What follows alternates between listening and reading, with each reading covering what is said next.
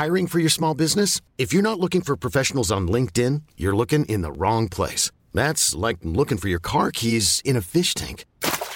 LinkedIn helps you hire professionals you can't find anywhere else, even those who aren't actively searching for a new job but might be open to the perfect role. In a given month, over 70% of LinkedIn users don't even visit other leading job sites. So start looking in the right place. With LinkedIn, you can hire professionals like a professional. Post your free job on linkedin.com slash achieve today. Nu kommer attack ifrån Sugarcane Hanover som går mycket, mycket fort tycker jag. Det är så fort så jag tror att Kallit kan få svårighet att svara. Sugarcane Hanover vänder ut och in på fältet. Startbilen är i rörelse till Svensk travderby 1987. What the horse, what the driver, nummer ett Mac Lobel och John D. Campbell. Resultat av tredje loppet, Elitloppet SAS första försöksavdelningen. Segrare nummer sju, Marcon Lepp. Maharaja, la Suède, Maharaja s'est retrouvé, le retour, le comeback de Maharaja le 17 vid något tillfälle att jag trodde att det var en av de bästa hästar jag hade tränat för. Det tolkades på olika vis. Jag behöver inte misstolka det längre, för det här är den bästa häst jag har kört och tränat någon gång. Barenne, me gusta, me gusta, me gusta! Un classico, no problem! Barenne, facile, alla me! Då har vi kommit fram till avsnitt 178 av Trato Sports podcast. Jag har förstått att vi har fått vissa frågor om kring varför Marcon Lepp figurerar i, eh, i vignetten. Ja, det har jag fått. Ja, förklaringen är oerhört enkel. Det har ingenting med Marcon Lepp att göra. Eh, Det råkade bara bli den eh, häst som eh, speaker Peter Sjölander eh, finns med på. Så det var därför. Vi Den måste ha med världens bästa speaker genom alla tider. Det är en hyllning till Peter Sjölander med andra ord. Ja, det är det. det, är Och det råkar bli länge, hur länge Marcon höll han Lepp. på? det råkade bli Lepp. Ja, men hur länge var han på, på Valla? Ja, Cirkus? 20 år säkert. Vem, vem efterträdde honom då? Det var inte Anders Fredriksson? Eller? Jo, det var det.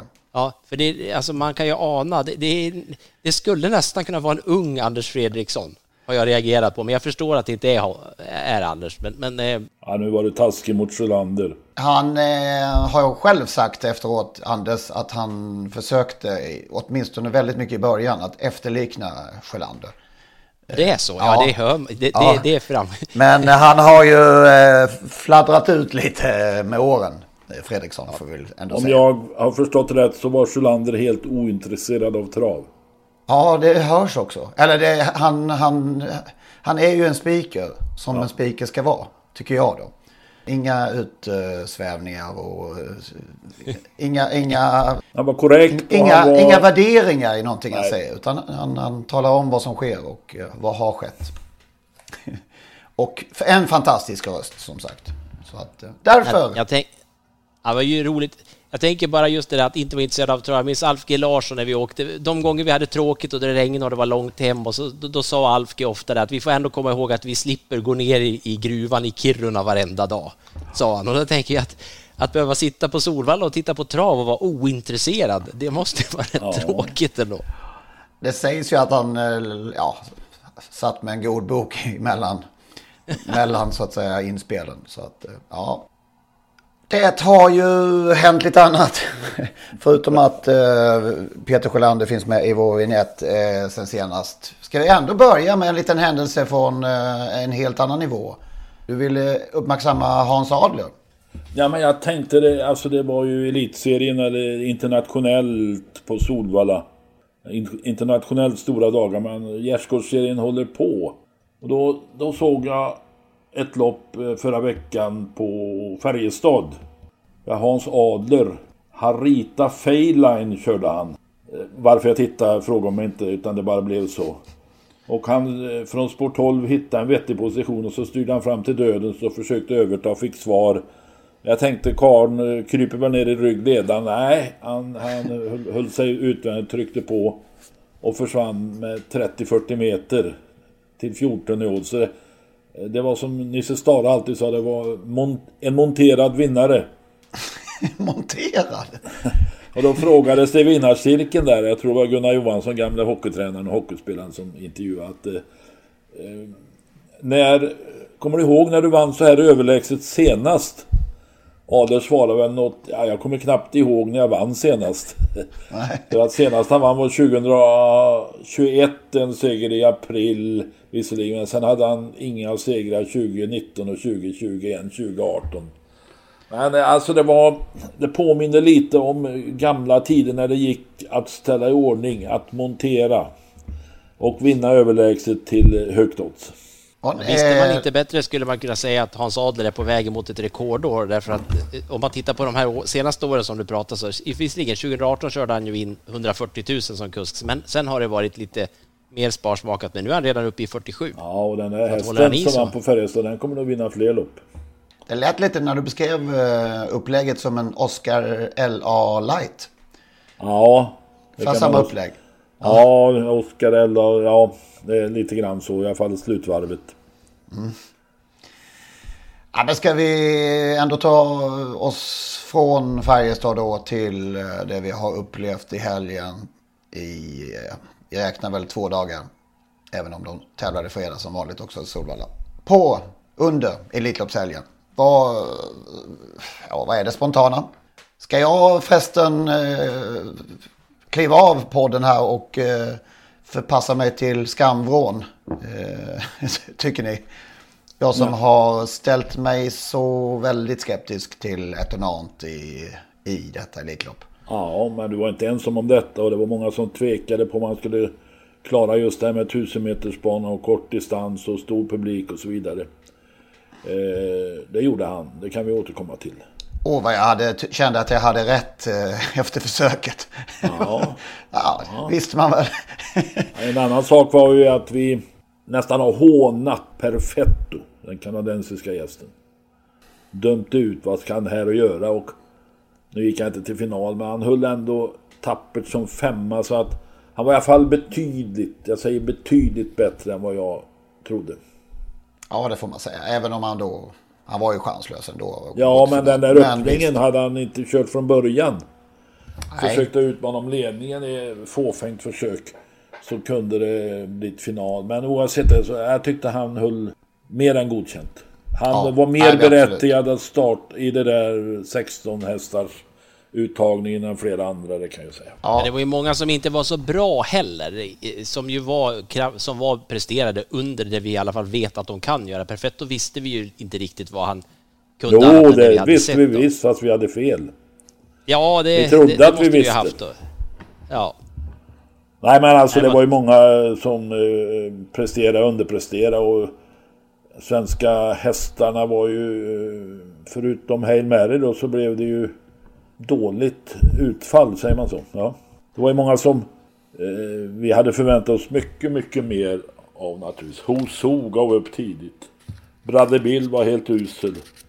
Önas Prins gjorde förvisso bort sig med galopp. Admiral As galopperade på väg till en fjärdeplats på upploppet. Mm.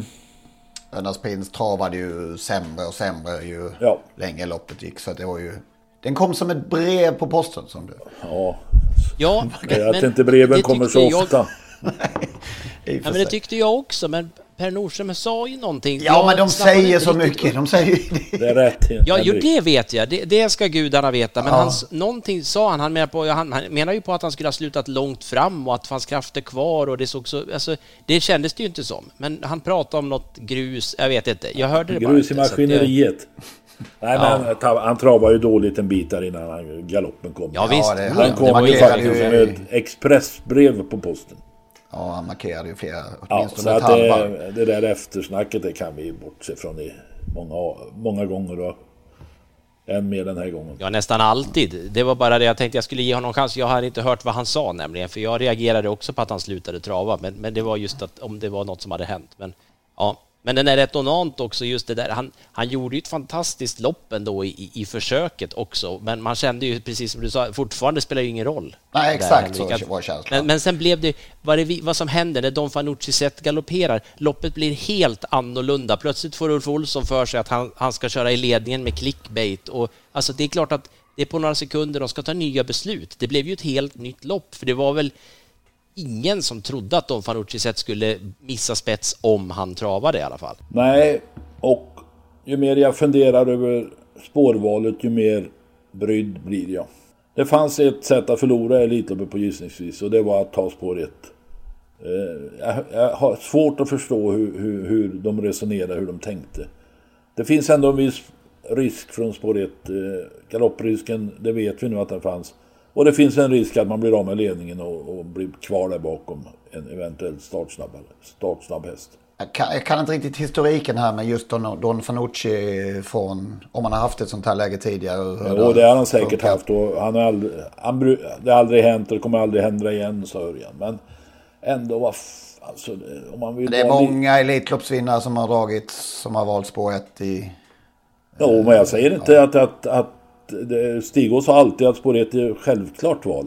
Mm. Men i det läge som fanns, att han vinner från nästan alla spår som finns. Han vann från mm. åtta hur lätt som helst i försöket. Och varför... Han visste ju att tar jag spår 1 eller spår 2 så risken är att Mr F Dag tar spår 1 då kanske. Eller får spår 1. Mm. Och vad hade det gjort då? Nej. Jag påminner tidigare om Pershing 1978. Alltså det är ju länge sedan så det ska man ju inte ha som någon jämförelse. Han tvingades till spår 1 i finalen eftersom reglerna då var sådana att snabbaste försöksvinnaren fick spår 1 automatiskt. Man fick inte välja. Oavsett hur många gånger du berättar att eh, regeln var så, så kan man fortfarande inte tro på Nej. det. Det är så jävla Och det dumt. blev galopp. ja. Som, som, ett expressbrev som ni pratade om.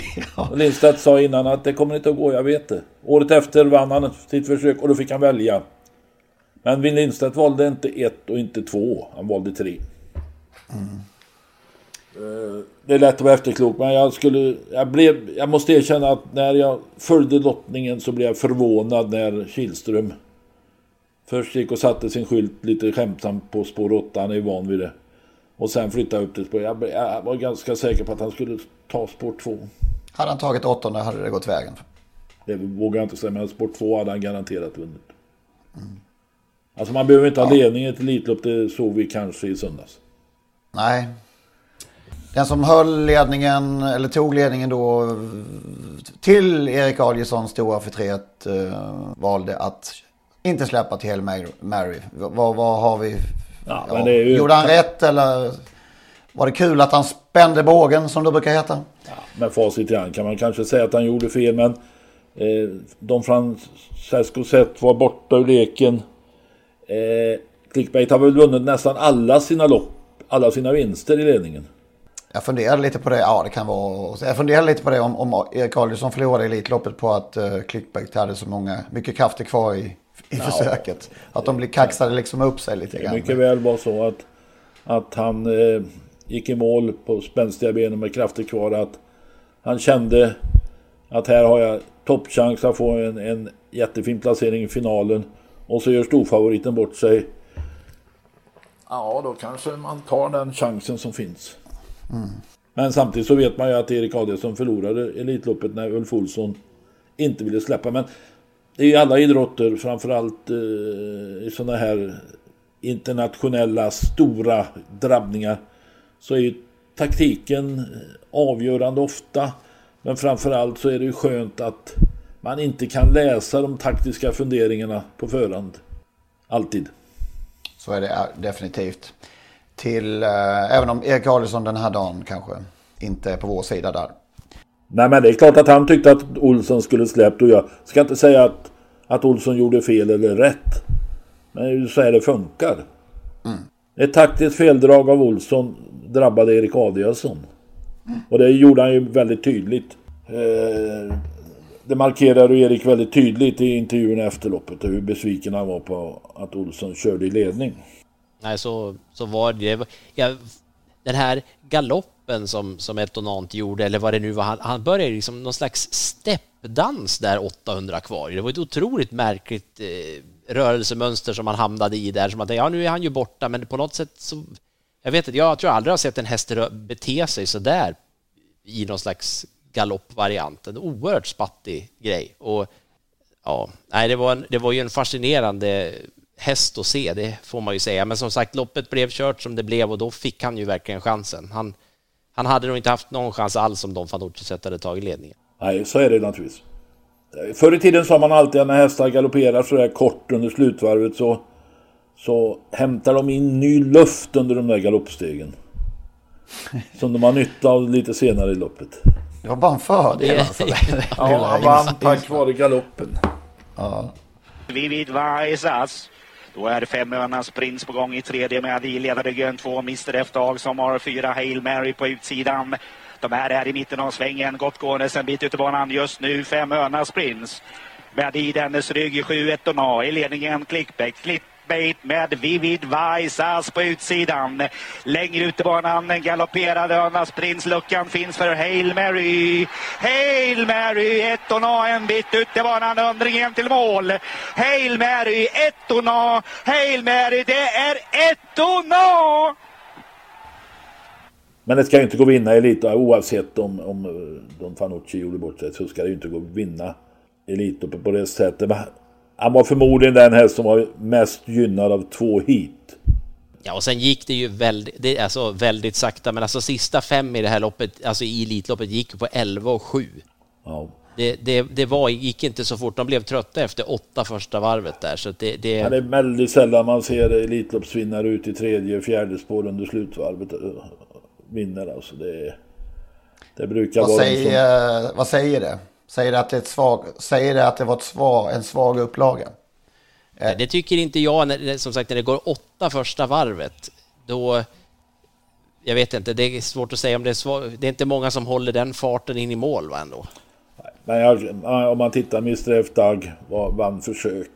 Vem hade trott det? Var tvåa, hade snudd på andra priset i finalen. Vem hade trott det?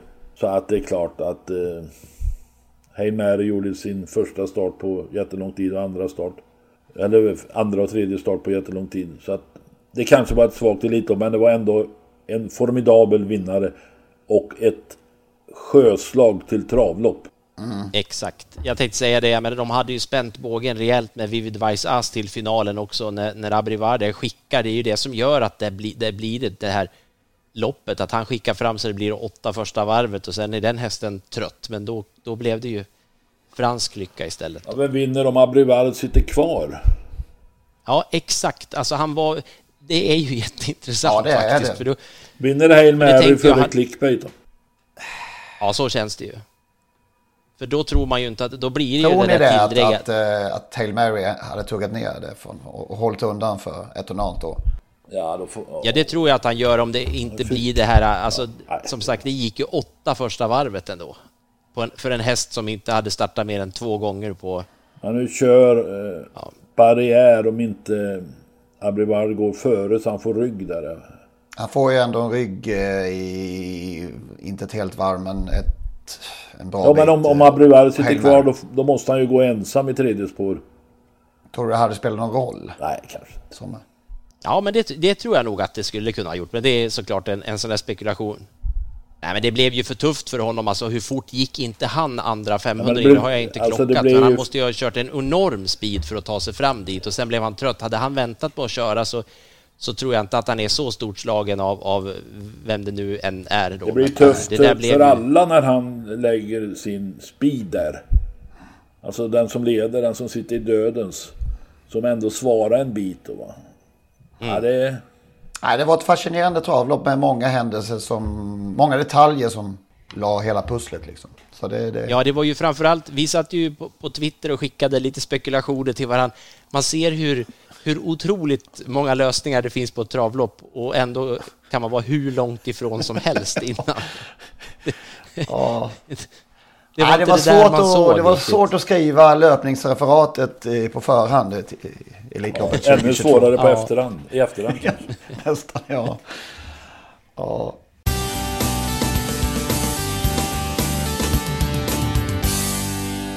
Ska vi gå vidare med lite annat? eh, Jag har kat- kategoriserat upp några snabbpunkter som jag tänkte vi kunde ta oss igenom. Ehm, Och att vi har en var- varsin prestation eller häst eller frågetecken på, vars, på varsin kategori helt enkelt. Så vi får motivera. Är det okej? Ja, Absolut. vi Och då räknar vi hela helgen tycker jag. Ja, absolut. Lördag, söndag. Ja, Ja, det är helg. Fredag är ingen helg. Fredag vet jag inte om jag kommer ihåg loppen ens från. Så av alla de här prestationerna vi har sett, vilken vi fastnade mest för? Största sportsliga... Bortser från Elitloppet då? Ja, det, ja, vi kan, ja, egentligen. För annars fastnar vi ju där igen. Ja, vi tar, vi tar eh, i alla fall det vi har... Eh, ja, men det gör vi. Typ. jag vill ändå flika in någon eh, grej till kanske. Ja, men det största sportsliga toppen från helgen. Vad fastnade det allra mest för? Ska vi börja med Lennart? Eh, Det går bra. Eh, Florida Sport i eh, Monté-eliten. Mm. Alltså så läcker. Där gick det, där, där gick det också 08 första varvet va? Var det inte så? det var väl tangerat världsrekord eller sånt där. Men så oerhört läcker och avslappnad hästen sprang i ledningen alltså. Ja, det var en skönhetsupplevelse eh, på, av högsta karat alltså. Detta Ja, jag- läckra jag tänk- sjuåriga sto. Ja, det var en sån väldigt, väldigt fin häst. Jag slängde ut en fråga på, på Twitter där på um, söndag morgon förmiddag där vilken, vilken pre- lördagsprestation tänkte du först på när du vaknade? För det, det var nämligen så jag gjorde. Jag menar, det var så mycket bra grejer man såg, men, men det första jag tänkte på när jag vaknade på, på söndagen, det var ändå Harper Hadovers och Diablo de Vauvers slutvarv där. Det, det, det, det var ju så mycket vi såg som var bra, men det där fastnade. Jag tyckte det var... Det var också ett raffinerat lopp eh, och man, hon är, eller han är ju bra den här liksom, men, men eh, det här går väl in. Nej, det var ju kört hela vägen. Det var Ja, det. det, det var det ju. ja. Det, det, det går inte att säga, säga något annat. Det, det, det satt med, med, med, med, honom som spik där och eh, nej, kändes ganska iskallt. Ja, det förstår jag. Eh, mycket som du sa, jag är ju väl, jag har vurmat tidigare för den här hästen och eh, fortfarande störd på att jag inte la in något spel på det här fina oddset som han dessutom gav. Oscar Ella är ju, han är ju otroligt härlig alltså. Ja, det måste nu- man ju hålla med. Nu bättre än någonsin då. Det var ju en kross utan dess like. Vi pratar mycket om Phoenix Foto. Alltså när Lövgren ökade, tryckte lite på gaspedalen då, då blev han kvar på busshållplatsen nästan. Ja, ja det, det, var en sån där, det var en sån där känsla hela vägen att, att eh, eh, han var säker hela vägen att eh, det här kan jag inte förlora. Den, den, eh, det är inte ofta man ser det i sånt högt, liksom stort sammanhang. Att, Nej, och man hörde efteråt också det här att han har inte velat säga allt han tänker om Oscar Ella, men nu, ja, nu behövde han ju inte säga det heller, för nu såg ju alla. men det var, nej, det var, det var ju monstruöst alltså. det var, Det var jag ju- fortfarande för, förvånad över att han faktiskt inte valde eh, honom till eh, Harpers. Men ja, det, det, med facit i hand kan man ju då konstatera det. tror jag sa det innan också. Förra veckan. Ja. Ja, faktiskt. Ja, nej men det var det. Eh, största floppen. Har vi något där? Ja, det, alltså, det var ju Lövgren igen då tycker jag. Han får vara med där också. Den här Piemonte som eh, väl ändå ansågs som den första utmanaren till, till den franska hästen där och, och eh, ja, det såg man ju efter efter ett par hundra meter så var Piemonte helt borta i loppet och det det var en lång resa och det var mycket publik och det var ett ställe där han inte trivdes på. Ja, det får man verkligen säga. Det var som du säger, det var över direkt nästan. Eh, ja. Magnus där. Ja, jag, nu ska vi ju inte prata Elitloppet. Jag, jag nämner i parentes då Brother Bill som jag tycker var en besvikelse. Det var tråkigt. Men, och sen kanske det är provocerande att säga största floppen, men jag, jag, det, ändå Örjan Kihlström. Eh, det blev inte mycket för, för Örjan efter sån ruggig säsong som han haft hittills. Så blev det... Eh, jag har inte summerat vad han körde in och han körde ju in mer än många andra så det är kanske elakt, men ändå. Han satt på en hel del, eh, men eh, ja, han, han vann ett lopp. Nu räknar jag inte in eh, fredagen då. Nej, Då det, ett till. det, Björn Goop vann inget tror jag. Ja, men det var ju ut, ut, ut Socknes som dominerade. Ja men det är ganska härligt. Det kommer massvis med internationella gäster.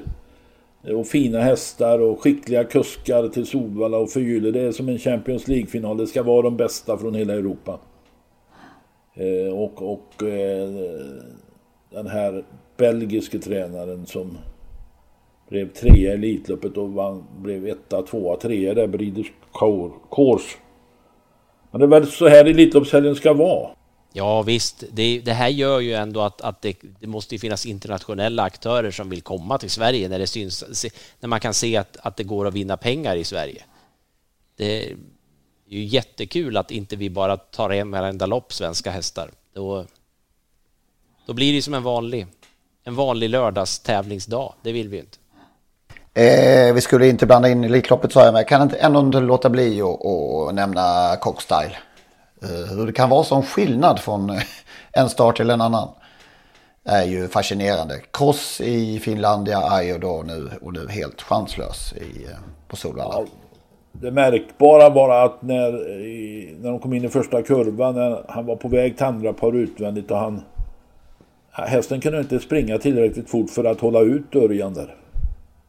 Så Örjan fick då smita ner i andra par utvändigt.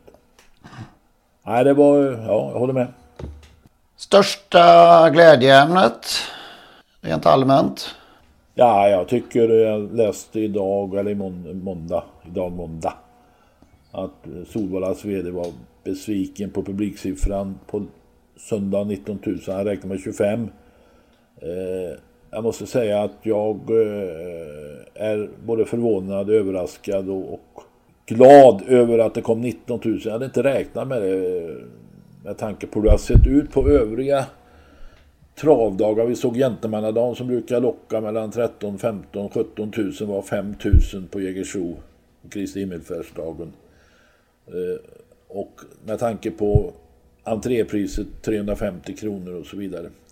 Så tycker jag det var en enastående eh, publiksiffra.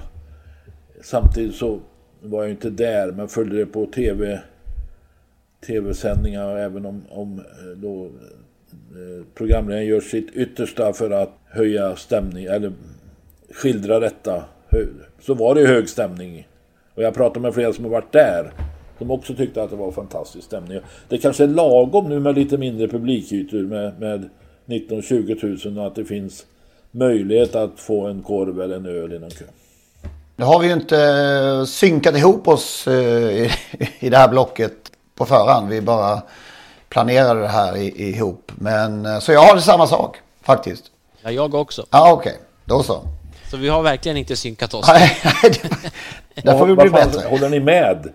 Ja, det gör jag faktiskt. Har ni fått Otroligt. feber båda?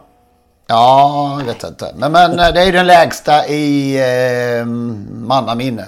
Så egentligen borde man ju... Det, det är 82 tror jag det var läge senast. Men med, som du säger med förutsättningarna och vad man har vant sig vid efter pandemin. Så var man ju mycket orolig för att det skulle vara betydligt färre. Och eh, det trodde jag också att det skulle bli. Så Ja. eh, nej, men det var, gav vi lite råg i ryggen till kommande år tycker jag. Vi har pratat om innan att Elitloppshelgen blir någon form av test på om det är rakt ner i källaren eller inte. Nu, nu håller vi oss nog ovan jord ett tag till i alla fall. Och kanske att detta indikerar på att det är på väg att vända lite grann. Ja, det var faktiskt, ja, ja exakt så känns, är känslan. Att det här kan ge lite skjuts på något sätt. eh, På olika sätt. Vi hoppas. Ja, jag, jag där är jag imponerad av er, er eh, förhoppning. Det är jag. För det, det, jag tänker nog ändå inte... så- Det var ju jättekul att det var så mycket folk och det är verkligen den... in, alltså den här inramningen var ju jättehärlig efter som det har varit tyst i två år och så, men, men eh, ändå lite... Om man säger, ser det nyktert, det är ju, låter Ja, jag är konstigt. nykter. Men, men, ja, Än så länge. Nej, men jag tänker så här, tänker så här, man hade satt ett publiktak på 27 000.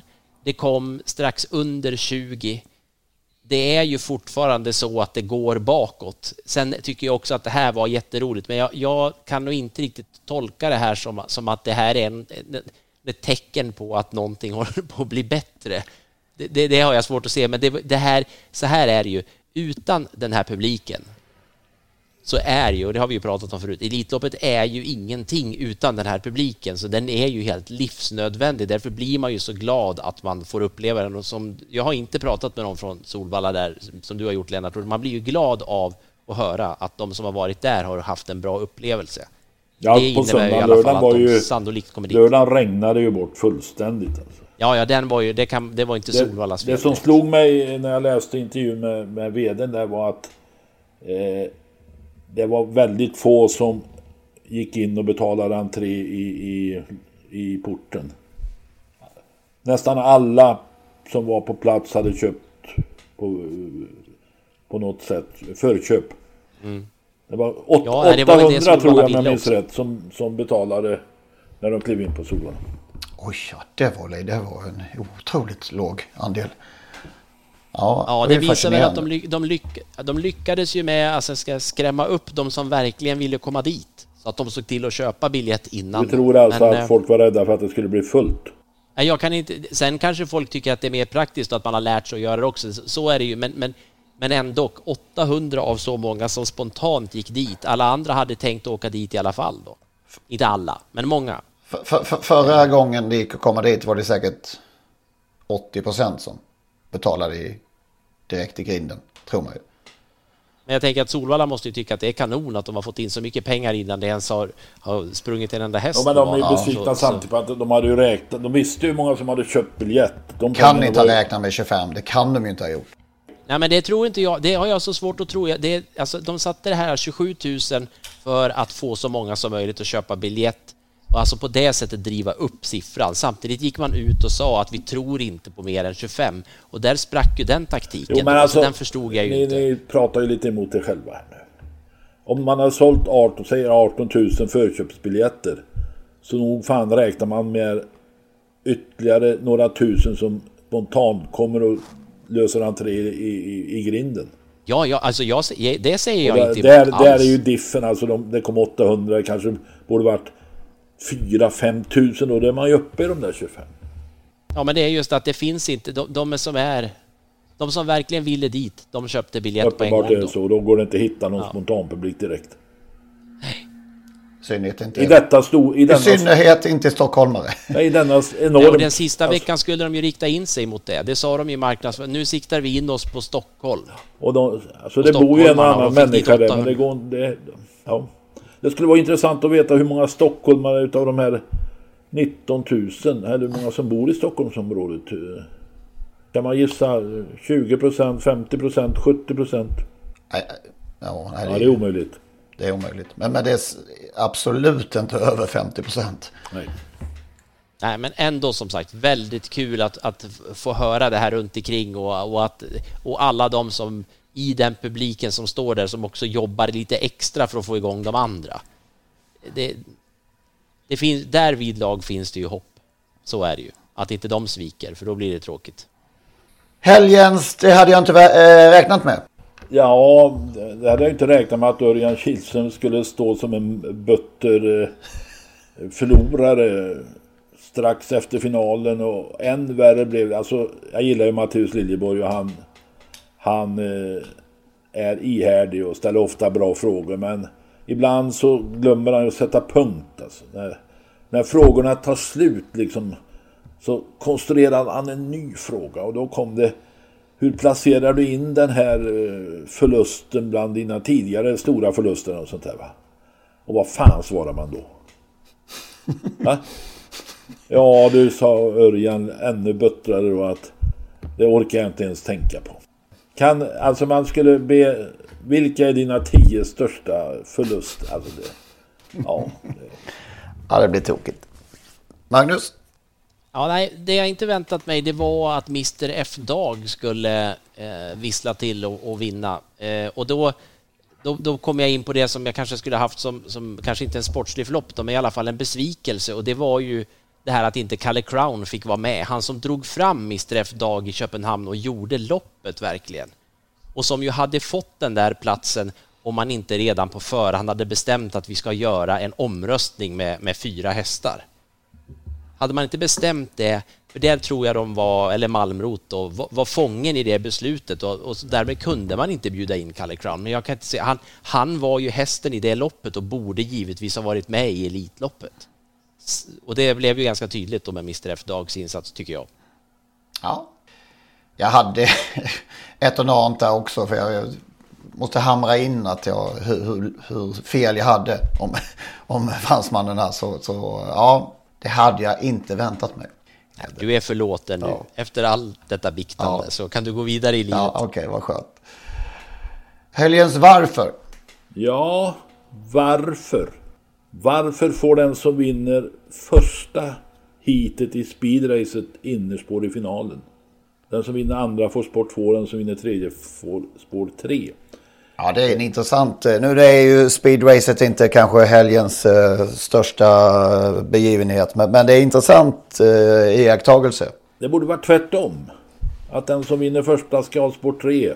Av det skälet att den som vinner första får några minuters ytterligare tid till återhämtning och så vidare. Va? Och då borde den, för att det ska bli någon som helst möjlighet till rättvisa, borde den som går sista hitet gynnas av innerspår i finalen. Ja, det är, det är lite skumt faktiskt. Att de har kommit på just det. Man skulle kunna tänka sig att den snabbaste ja. hitvinnaren skulle få välja. Vi är tillbaka till 1978 när Pershing tvingades till innerspår. Ja, just det, faktiskt. Har du någonting där, Magnus? Ja, eh, jag går lite utanför travsporten då därför att jag tycker det är så obegripligt att ATG valde att göra det. Men, men, men varför ATG valde ATG är alltså travsportens spelbolag som man ju brukar säga då att det är varför man valde att i den ATG livesändning som går ut till alla kabel-tv-tittare, det är ju ändå ganska många som kan titta på ATG live i, i den, på det gamla, gamla sättet. Där gjorde man om nu så att normalt så visar man ju när det är någon direktsändning, någon tv-sändning, då visar man ju den eh, över ATG Live-utbudet och sen när det blir reklam i tv så då går man över till vanlig ATG Live. Men nu hade man valt att istället för att gå, tillbaka, gå till ATG Live så gick man till en ny sportstudio som man hade eh, skapat uppe på någon, på någon ställning eller något tak där i, i första sväng på Solvalla där och där stod Klas Åkesson med diverse gäster och pratade handboll, eller ja, i alla fall fotboll, ishockey, om, om det var dags för svenska landslaget i fotboll att gå över till 4-4-2 och, och varför Tre Kronor hade förlorat mot Kanada och allt sånt där. Eh, och det tog väldigt... Jag gick ut och skrev något på Twitter där för jag tänkte vad håller de på med? Men först då förstod jag att det här är alltså inte det vanliga ATG Live jag tittar på utan det är en specialvariant av ATG Live. Och där väljer alltså ATG att till 100 procent eller 99 procent, för de hade lite travsnack i någon paus. Men i övrigt bara sportprat. De bara står och babblar sport där. Men jag drabbades av detta. Jag förstår inte bättre. Eh, så jag bytte, jag tittade på ATG Live och så kom då Challe Berglund och han eh, Klas, eh, vad han nu heter nu för tiden. Och berättade om hockeyn och analyserade Sveriges förlust och vad det var. Men det var någon till med det som garanterat mer eller mindre sa att Real Madrid kan inte vinna Champions League-finalen. Och det triggade mig så in i den så jag spelade Real Madrid till fyra gånger. Och så kom de tillbaka dagen efter då var det någon svensk eh, som skulle vinna något Indy 500 eller något sånt där. Ja, någon motortävling i alla fall. Och då kom det någon motorexpert in i bilden och talade om att han, han kan bli bland de tre. Han kan absolut vinna. Så det var, eh, jag tycker det var bra. Nej, det blev jobbigt. Så fruktansvärt jobbigt. Ja, det var ju ett bra spel, men just det är den här prioriteringen ATG väljer att göra. Detta då travsportens spelbolag som lägger allt fokus på sitt sportutbud på travsportens största helg i Sverige. Man kunde ju välja bort det. Jag kan ju se på TV 12 och vad det var. jag får skylla mig Absolut. själv lite. Jag kanske kunde byta ATG Live och jag vet inte. Jag vet inte hur man gör. Ja, men det visar ju i alla fall lite grann det här som, som vi har varit inne på nu när Unibet och de här kommer. Alltså det, ATG eh, har en medveten strategi att prata mer och mer sport. Det, vi får se vad det innebär för travsporten i förlängningen. Jag säger varför eh, ska orutinerade kuskar delta just den här helgen? Jag säger som eh, Erik, Svensson skojade om en gång, jag kanske har berättat det här tidigare, vi skulle göra en någon slags eh, filmad tips inför Elitlopps, något Elitlopp, vem, vem vi trodde skulle vinna. Och då sågs vi där på Valla några dagar före och skulle spela in de här inslagen. Och eh, jag frågade, mm, för då var Erik där också, och jag frågade har du, har du något ut i helgen? Nej, det är ju Elitloppshelg, sa ja. han då. Självkritiskt, eller själv, eh, vad säger man? Insikt. Insiktsfullt och eh, han är ju inte i närheten av att vara så orutinerad. Han var ju inte orutinerad i sig. Men ska orutinerade kuskar delta ja, just men Det blir helgen? helt fel och innan Elitloppsförsök och sådär och tv-sändningar och det ligger en snubbe i banan där och en häst rusar runt herrelös. Alltså det, det är det man inte vill visa upp en sån här helg. För att undvika det måste man ju ändå ha, alltså det måste finnas några krav. Lite högre krav just, ja, just den här helgen. Det, det, heter, det heter Elit. Ja, av någon alltså anledning. Den liksom. där Gylling som han heter har ju Ja, det är inte första gången han, han, eh, han klarar inte av det helt enkelt. Och han har fått licens, okej. Okay. Han har kört ett antal lopp, eh, gärna med startbil. Eh, men när det blev våldstart och det rörde ihop sig lite då, då han klarar inte ut situationen. Och då får man 2000 spänn i böter. Där man naturligtvis borde förvisas till praktikbänken att du får köra, vad heter det, provlopp eller uppkörning. Ja, det är som, som hästar som har fem raka galopper som måste gå till kval. Ja. Liksom. Det, det, det Tio borde... sådana. Nej, det, sen ser man då, sen ser man eh, Abrivard få 50 000 i böter för att han är lite yvig i sina gester på upploppet. Ja, nej men det är märkligt då. Jag menar Gylling som så sent som i slutet av förra året dömdes till en avstängning och, och då gick ut och sa att när jag överklagar, nej, ni kan inte inse hur jävla ruttna era regler är så det kan kvitta. Jag slutar här med att vara kusk. Ja, det gjorde han sociala också, medier. Ja. Kusk är han inte. Ja, det är lite tråkigt. Alltså det förstörde ju lite av stämningen naturligtvis. Förberedelserna för många. Ja, man såg Erik Adielsson var ju Erik Adielsson var ju eh, återhållsamt väldigt arg. Eh, eftersom det ju var i två starter där ju. Du, du menar alltså att Erik var återhållsam för en gångs skull? Ja, precis. Han valde att inte, att inte så att säga visa allt för mycket, men, men nej, ja, det var... Han var mm. sammanbiten. Han var ungefär lika irriterad som efter... Nej, han var mer irriterad tror jag än efter, efter Hail Mary faktiskt. Ja, det var en trist historia, det får vi säga. Ja, det var ju tur dock att det gick bra eh, med skenande häst och, och, och, den och så vidare ändå utifrån hur det nu var. För Ja. Och sen eh, blir det också, blev det ju väldigt märkligt eh, formulerat i tv där, där Per Skoglund placerar det här i en helt märklig kontext när han pratar om att Jonas Gylling gjorde en sån succédebut där han slog proffsen i sin första start. Ungefär som att, att han är så otroligt bra så han slår proffsen. Det blir, för den som inte är med på grejerna så tror man ju liksom att det måste vara den största talang vi har sett i Sverige på kusksidan. Ju. helgens frågetecken? Alltså, jag ifrågasätter de här böterna.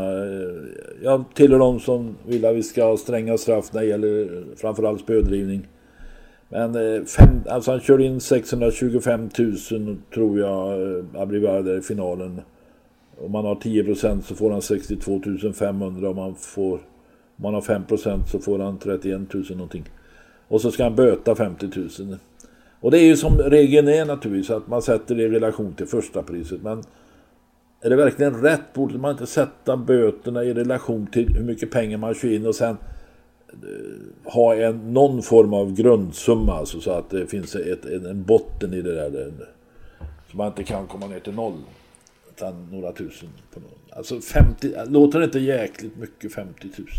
Ja, vi är ju, det är ingen annanstans som man får högre böter i alla fall. Så kan man ju. Nej. Och sen det här, de här som inte höll rakt spår på upploppet där. Gelomini där i Harpera Nord. Vad fick han böta? 20 000. I USA får man eh, 3 000 dollar för, för medveten doping. Ja. Man ska sätta alltså, det i alltså, relation. Han bröt ut några spår inte vägen för de stör ingen. Nej. Och får 20 000. Vi vill inte ha det så i svensk trav som någon sån där riksdomare. Ja, det är möjligt men...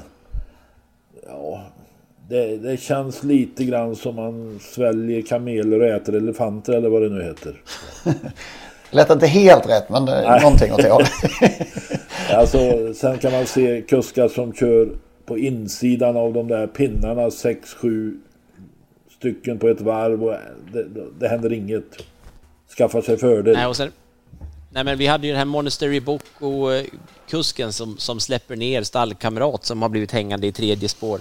Ger bort andra utvändigt bara och, och sannolikt förlora loppet. Men stallet körde ju in tillräckligt med pengar ändå. Men där, där blev det ju 20 000. Då. Och det är väl, strider ju om något emot det vi vill se. Det var så uppenbart. Jag tror det bara var 10 000 faktiskt. Ja, han fick 10 000 för något annat också. Jag tror han fick, fick han inte 20 plus 20? Nej, det kanske var så. Ja, det var ju alldeles åt helsike för lågt i alla fall. Mitt frågetecken, ja. Jag hoppas. Nu är jag lite... Eh, vad var det? 15 av 27... 15 av 26 eh, segrar eh, under lördag söndag gick till eh, utlandsekipage. Är de så mycket bättre? Nej, än men våra svenska man hästar? till Solvalla så åker man med det bästa man har. Sina, sina två, tre elithästar i stallet. Och eh, det är ingen idé att åka annars. Och då, då kan det bli så här tror jag. Alltså. Sen är det ju mm. svenska, några av de svenska tränarna går ju på tomgång just nu. Alltså. Timo Nurmos, eh, Björn Goop, Svante Båth hade väl knappast några hästar med och så vidare va. Och det är möjligt att de inser det att när, när våra gäster kommer från andra länder så, så kommer eliten från deras stall. Samtidigt så är det inte alltid vi ser det utan eh, sen har ju också de här kuskarna som kommer och kör de är ju skickliga. Det är inga det är inte vem som helst. De är ju toppkuskar i sina hemländer. Eller vad, vad ville du komma fram till? Jag, jag hoppas helt enkelt att, um, att, uh, att det beror på att hästarna är bra och inget annat. Om, ni, om travvärlden förstår vad jag menar. Uh, ja. ja. Helt enkelt. Det var ju några hemmahästar som Li var jä jäkligt bra också så att ja. Mm, mm, mm. Jag kom på ett, jag har faktiskt också ett frågetecken. Eh, och det är hur han orkar vi, eller du Lennart, tycker jag också med all rätt. Matteus fråga till, till Örjan var väl inte den bästa, men jag tänkte på det när jag såg Matteus Liljeborg flänga runt där med sitt oerhört skrynkliga program, att ah, hur han orkar ränna runt och, och med sin energi hela tiden bara förmedla all den här informationen och det kan man tycka mycket om. Det är högt och lågt med det han kommer, men han jobbar ju frenetiskt i alla fall och det, ja, eh, vi klagar på honom för den där extra frågan. Nej, där, vi klagar inte. Jag bara noterar att det var Ja. Att ibland så får man sätta punkt när frågorna är slut. Man behöver inte krysta fram en ny fråga. Nej, jag är helt enig där. Men som sagt, för att lyfta Matteus, han, han eh, hans engagemang ger ju väldigt mycket energi till de här sändningarna där det är väldigt många människor som, som pratar för övrigt också. Men Nej, jag tycker han gör enig. det väldigt bra. Mycket, I allt han gör är han bra. Sätter vi punkt där då för... Eh... Alltså det var lite roligt där. Det var lite roligt med den här Nikola Jokic. Ja just det, det långa. Den långa han, ja. han, det tänkte jag på. Var han längre än världens eh, längsta vakt? Den här vakten på Solvalla. Ja, ja, ja. Jag såg dem aldrig ja, bredvid varandra samtidigt. Han som vaktansvarig där, vad han nu heter. Nej, ja. Nikola Jokic är längre. Och det är en av världens bästa basketspelare. Han fick någon utmärkelse och den tog han emot i ett stall en utmärkelse för sina basketframgångar i eh, Denver Nuggets. Den tog han eh, emot i ett stall i Serbien. Eh, och det är lite kul, där, alltså det är en av världens bästa om jag har förstått det rätt. Det var ju en annan för några år sedan som körde, han var ute och värmde någon häst. Men vi såg ju också en annan utav de här riktigt stora idrottsprofilerna och idrottsmännen eh, köra lopp åt Colgjini på på Vincennes. Det är en gammal eh, klubbkamrat till dig, Henrik. Kinnevik Bonjek. Ja. Jag tror inte jag uttalade förnamnet rätt där dock. Nej, men därför överlät jag till dig att försöka åtminstone. ja, jag trodde jag skulle få till det, men det, det fick jag inte. ja, men det är läckert att se dem där alltså. De är så intresserade av detta så att han vill bli travtränare såg jag i någon uh, uttalande. Helsike om han börjar köra lopp den långa. Han har ju översyn. Han får möta Gylling nästa, nästa Elitlopp sen.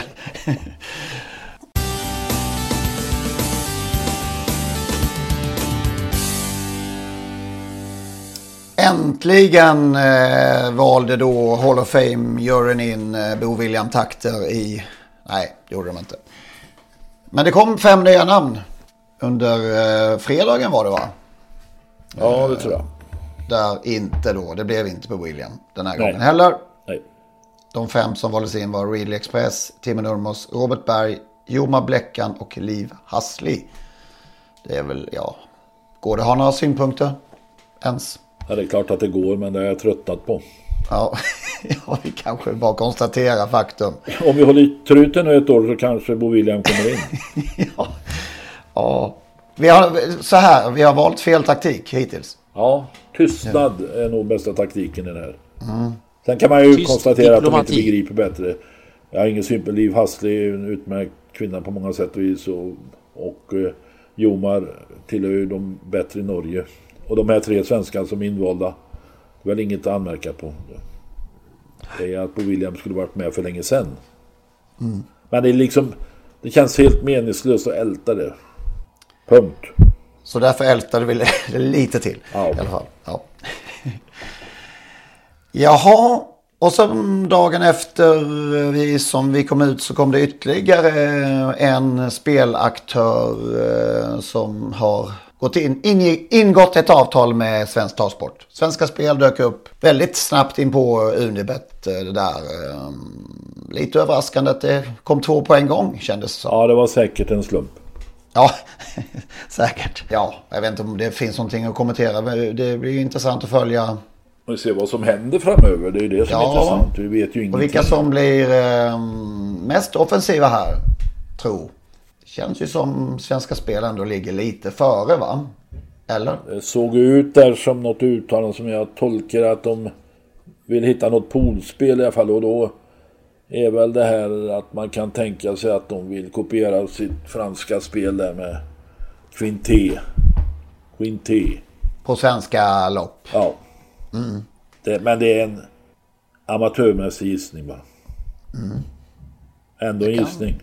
Det kan få duga ibland. Eh, Du hade, så fick du fel där i um, rättegångsmatchen mellan Svenska Spel och ATG. Magnus, eh, det var ju strid om det här. Ta väl upp namnet som ATG Ja. ju inte tyckte att Svenska Spel skulle få nyttja. Och eh, ATG vann där i tingsrätten var det va? Ja, precis. Till oerhört stor förvåning. Eh, sen berättade Lennart för mig att det fanns ju röstningssiffror bland de här lekmännen i, i tingsrätten och det var, var, var det 3-2 Ja, eller till 2-1 kanske Svenska det var. Spels... Det var det var ja, en- 2-1. Men det var uddamålsseger. Man- Eh, Heter det Ja, uddamål det är en gammal vän som kanske- alltid förkunnar, eller så länge han levde, att Lennart, det gäller att vinna matcher. Det räcker inte att vinna ronder. Det här kommer komma upp i nästa instans. Då vet du. du så jag, du ska inte känna dig helt slagen, Magnus. Nej, jag fick upp hoppet i denna prestigefråga. Jag, jag blir ju jätteförvånad om, om, om man i, i hovrätten skulle inte skulle ändra på detta. För jag tycker fortfarande att det här är en väldigt... Ja, det är faktiskt, det är vet, faktiskt, det blir det är faktiskt helt det obegripligt. Det, det är helt Ja, det, obegripligt. jag vet inte.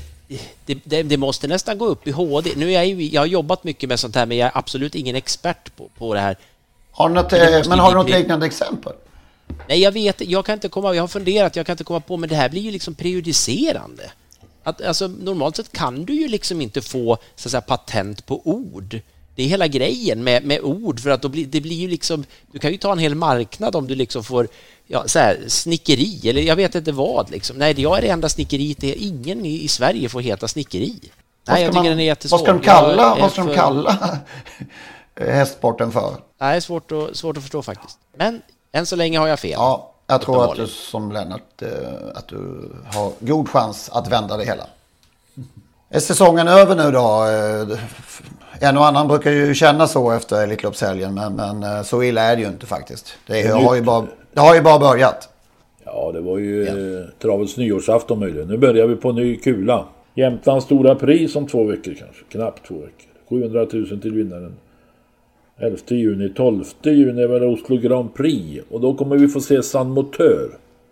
Då kan man ställa sig frågan vad hade San Motör uträttat i Elitloppet? 1,2 miljoner i Oslo. Och några dagar senare 18 juni Norrbottens stora pris med en miljon. Så det är ju de här elithästarna kommer ju att... Vi kommer få dras med dem. Mm. Lång tid framöver och sen väntar väl ditt lopp där nere eh, i Malmö. Det. Så har vi jubileumspokalen. Det är mycket kvar för de här hästarna som sprang i söndags. Gud ja. Och nu kommer ju Redén att dela på dem gissar jag. Tror man ju. Vad, vad är det någon mer eh, inbjuden som är klar i, i Oslo? Perfetto. Ah, okej. Det var Han säkert stannar kvar. eh, han- Jo, Kanske den, här, eh, den här som uh, Gundersens häst som eh, eh, Stålberg absolut inte ville ha med i... Ciceron GT Ja. heter den va? Apropå eh, topphästar i Norge så fick ju den här som du ifrågasatte tidigt dra sig tillbaka nu. Ferrari BR. Just det. Man kan väl tänka sig att eh, Don Fanucci sett kliver också ut i Oslo. Ja, eller Hail Mary. Tror, tror han får en paus nu efter två tuffa lopp kanske. Ja. Fanucci fick ju bara ett. Då går han till Norrbottens stora pris, eh, Hail Mary. Så kan det bli. En vecka ytterligare paus. Men vi sa ingenting, apropå det där med flopp också med Örjan där, liksom, bara för att det, kändes ju lite hårt. Han körde ju liksom in sexsiffrigt, men, men bara det faktum att han inte fullföljde med Don von där hade ni en spaning på som inte jag tänkte på. Vad, vad, vad hästen hade fått eh, och Örjan då också om han hade kört runt bara efter Ja, Solvalla sparade en bra slant. Ja, de sparade 350 000 på att bara fem hästar var intresserade av, av utbetalningscheckar. Han hade fått 200 000 om han kört runt, eller han hade fått. Don Fanucci sett hade tjänat 200 000. Mer än en gulddivisions eh, seger. Ja.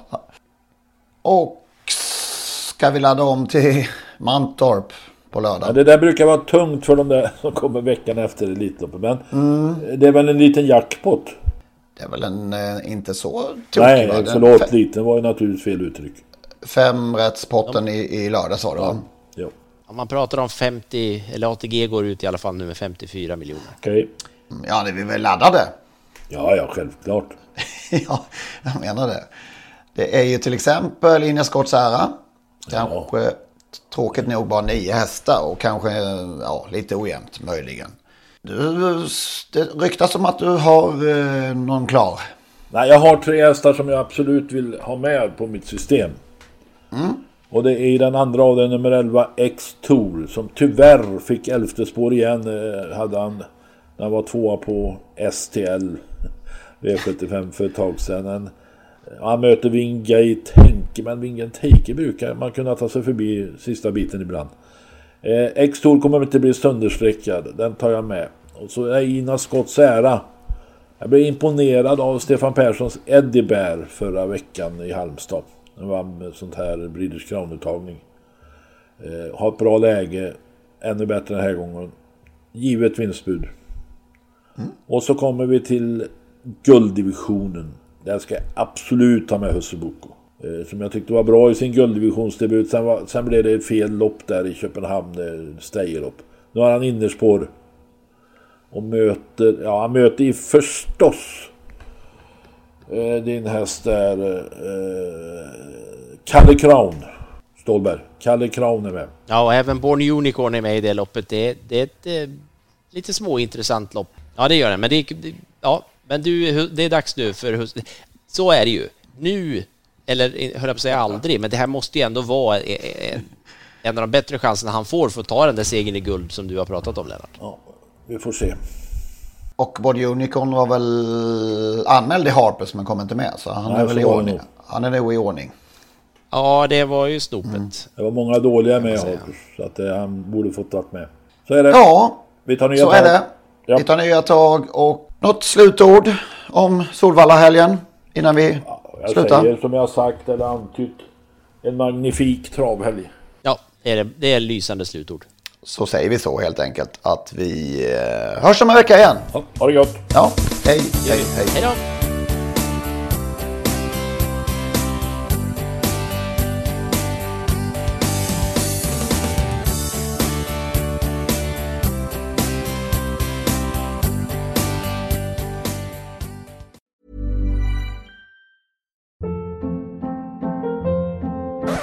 Hold up. What was that? Boring. No flavor. That was as bad as those leftovers you ate all week. Kiki Palmer here, and it's time to say hello to something fresh and guilt-free. Hello Fresh. Jazz up dinner with pecan-crusted chicken or garlic butter shrimp scampi. Now that's music to my mouth. Hello Fresh. Let's get this dinner party started. Discover all the delicious possibilities at hellofresh.com.